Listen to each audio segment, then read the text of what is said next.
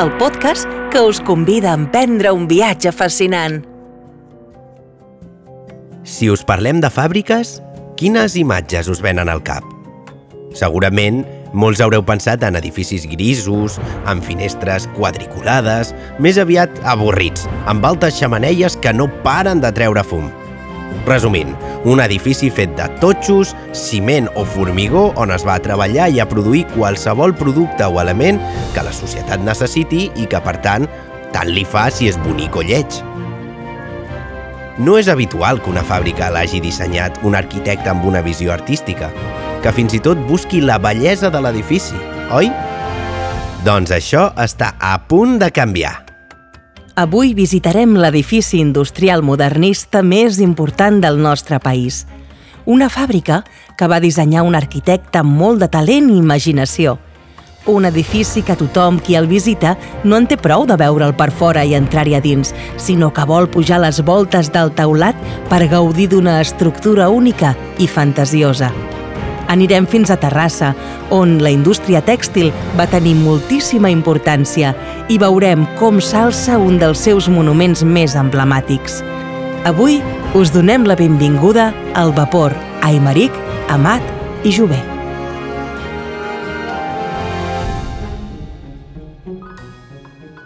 Ara fa 300 anys, a Anglaterra hi havia un enginyer que es deia James Watt que treballava nit i dia per millorar un invent que canviaria la història de la humanitat. La màquina de vapor. Heu de pensar que estem parlant d'una època en què encara no hi havia cotxes, ni televisió, ni aparells que funcionessin amb electricitat. La maquinària funcionava gràcies a la força de les persones i dels animals. Aquell invent de James Watt ho canviaria tot. Us heu preguntat mai com funcionava la màquina de vapor? La màquina tenia un forn on es posava carbó a cremar i el foc escalfava l'aigua que hi havia dins d'una caldera en un circuit tancat. L'aigua s'escalfava tant que generava un vapor que pujava per uns tubs i feia moure un pistó que hi havia al capdamunt. Quan el pistó es movia, accionava una roda que creava encara més energia i moviment, de manera que l'aigua i el seu vapor s'havien transformat en energia mecànica. Aquella màquina generava una potència que, fins aleshores, no s'havia vist mai. Quin gran invent! Una màquina d'aquestes treballa dia i nit sense cansar-se. I no cal pagar-li un sou, només cal alimentar-la amb aigua i carbó. És una meravella! Podrem produir molt més en molt menys temps. I també és més senzill repartir els productes per arreu del món. M'han dit que estan aplicant la màquina de vapor als vaixells i es veu que ara van molt més ràpid. Tens raó! I també hi ha les locomotores de vapor. Això és tota una revolució. Aquell invent de seguida va tenir molt d'èxit, primer a Anglaterra i després arreu d'Europa. En pocs anys, la màquina de vapor inventada per Watt ja es feia servir per treure aigua a les mines, per fer funcionar les màquines de filar i teixir, per imprimir paper i per a moltes altres coses.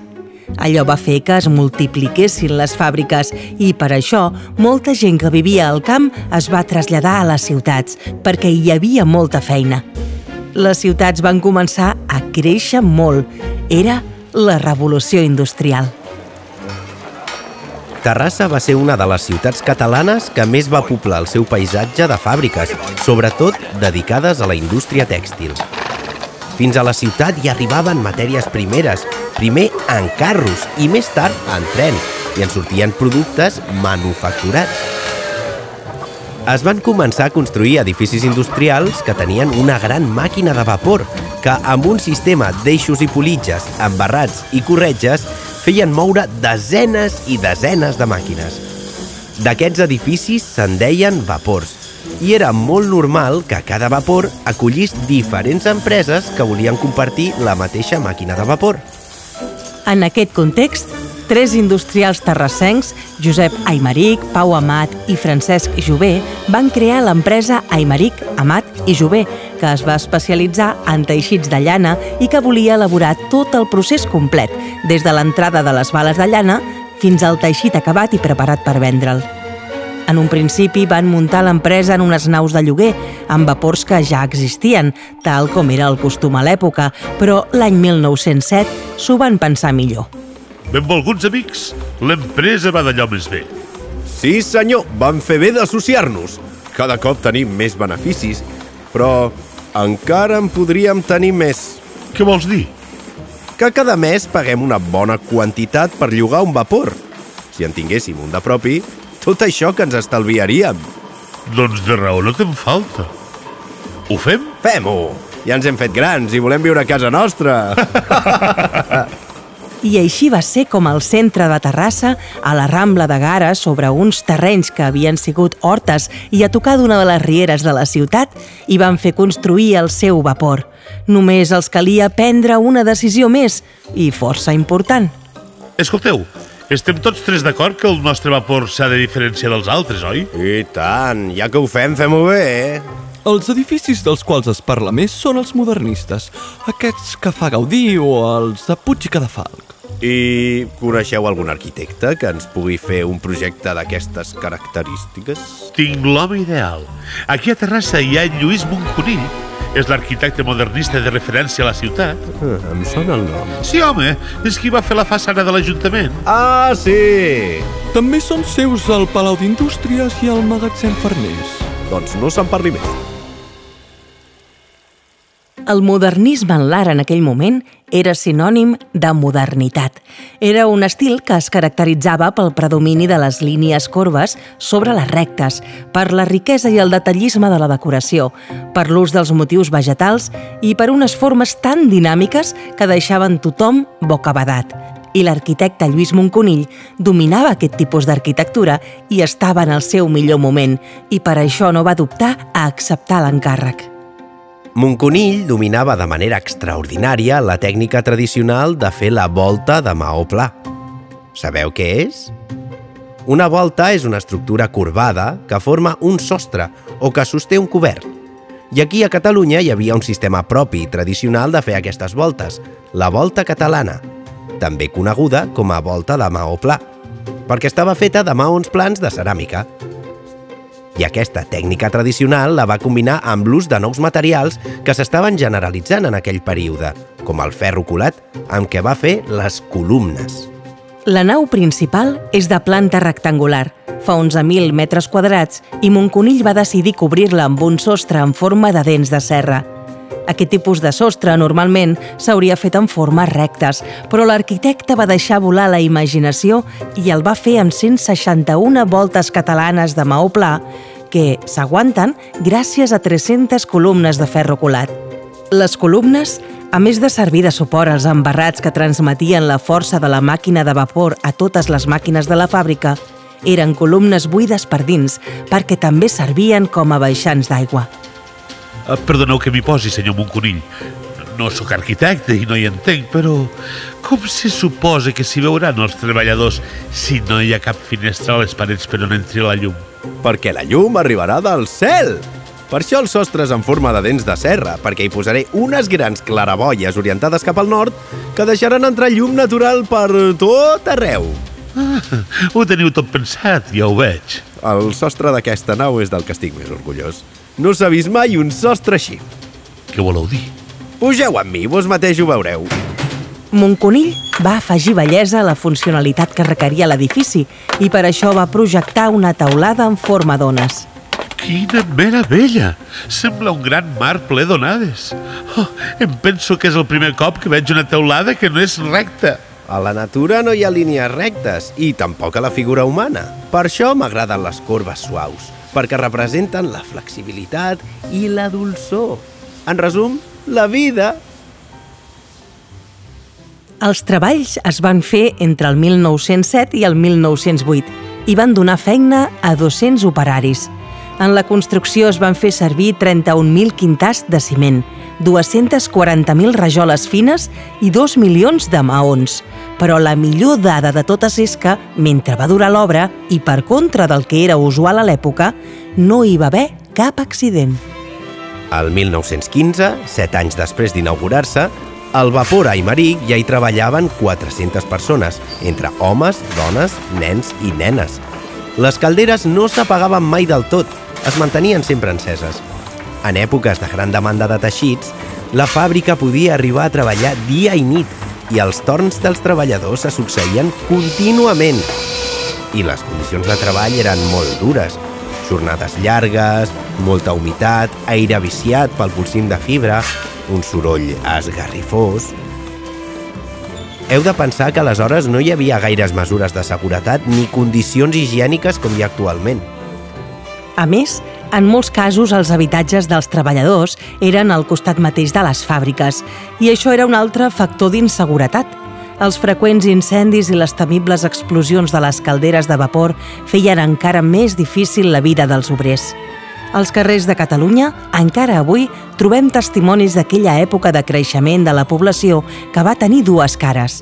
La magnificència de les cases dels amos, representada per les mansions modernistes o l'edifici modernista de la fàbrica Vapora i Maric, i la misèria dels obrers, representada pels edificis llòbrecs als carrers estrets. Els sous dels treballadors variaven segons la categoria i dins de la fàbrica hi havia gairebé 30 categories diferents. Les feines fetes per les dones habitualment estaven més mal pagades que les dels homes. Penseu que la societat era molt masclista i es considerava que el seu sou havia de ser només un complement del que cobrava el cap de família. Fins i tot quan la qualificació era la mateixa, es considerava que les feines femenines tenien un valor inferior. Per què hem de cobrar tan poc si treballem com ningú? Eh, no sigueu desagraïdes. Podeu estar contentes que us deixem treballar i tenir un sou. En altres llocs no us ho permetrien. Ah, a sobre hem de donar les gràcies? Quina barra! Compaginar fer de mare amb la feina tampoc no era feina fàcil. Mentre els fills eren petits, les mares els deixaven a càrrec d'altres parents per poder treballar. I durant els descansos, aquestes àvies i tietes portaven els nadons a les fàbriques perquè les mares els alletessin. Però cada cop hi havia més dones que no tenien aquest suport, sobretot a les grans ciutats. Moltes no tenien més remei que portar els infants a la fàbrica i deixar-los jugar per allà procurant que no fessin gaire nosa. Sovint ajudaven les seves mares a fer tasques senzilles. Eh, què ha passat? Hi ha una fuita de vapor? Tot el carrer està ple de fum de vapor. Sembla que hi hagi boira. Impossible! Tot just ahir li vaig fer el manteniment i no hi havia pas cap fuita. Com? Falsa alarma! Ha estat la canalla que ha fet una trapelleria! Aurora! El teu petit ha tornat a potinejar la màquina! I què voleu que faci jo? Cuida'm el tu, mentre jo treballo i així el vigilaràs. Sí, dona, altra feina tinc jo. Davant d'això i tenint en compte que la indústria catalana s'aixecava sobre la base del treball femení, aviat els empresaris van veure la utilitat d'afavorir els serveis que permetien a la dona compaginar la feina i les tasques domèstiques. Per aquest motiu, molts fabricants tèxtils van ser els primers a crear llars d'infants, escoles primàries de nois i noies o escoles d'aprenents dins de la mateixa empresa. D'històries que hagin passat dins de fàbriques com Vapora i Maric Amat i Jové, n'hi ha moltes i de molt interessants, i més que en sabríem si les parets parlessin. Us animem a visitar-lo. Actualment està obert al públic i allotja el Museu de la Ciència i la Tècnica de Catalunya, un museu que us deixarà bocabadats, on podreu trobar tot d'objectes que feien servir els vostres avis i rebesavis i podreu comprovar com han evolucionat tecnològicament fins a convertir-se en els estris que fem servir avui en dia. I no tan sols això. En aquest museu entendreu els mecanismes de les màquines de vapor amb les corretges, les politges i les manetes que podeu accionar vosaltres mateixos. Hi trobareu mil coses que us sorprendran, com una meravellosa col·lecció de cotxes i motos d'època o una rèplica a escala real de l'estació espacial Mir. Visiteu el Vapor Aimeric Amat i Jové, l'edifici industrial modernista més important de Catalunya. Aneu-hi i sentiu-vos petits al costat de la seva altíssima xamaneia. Entreu dins d'aquella nau enorme i mireu el sostre amb totes les voltes catalanes sobre les columnes de ferro.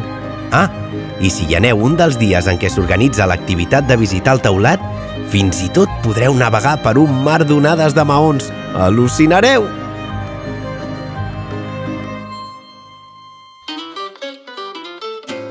Si voleu saber més sobre Vapora i Maric, Amat i Jové, entreu al web patrimoni.gencat.cat barra si les parets parlessin.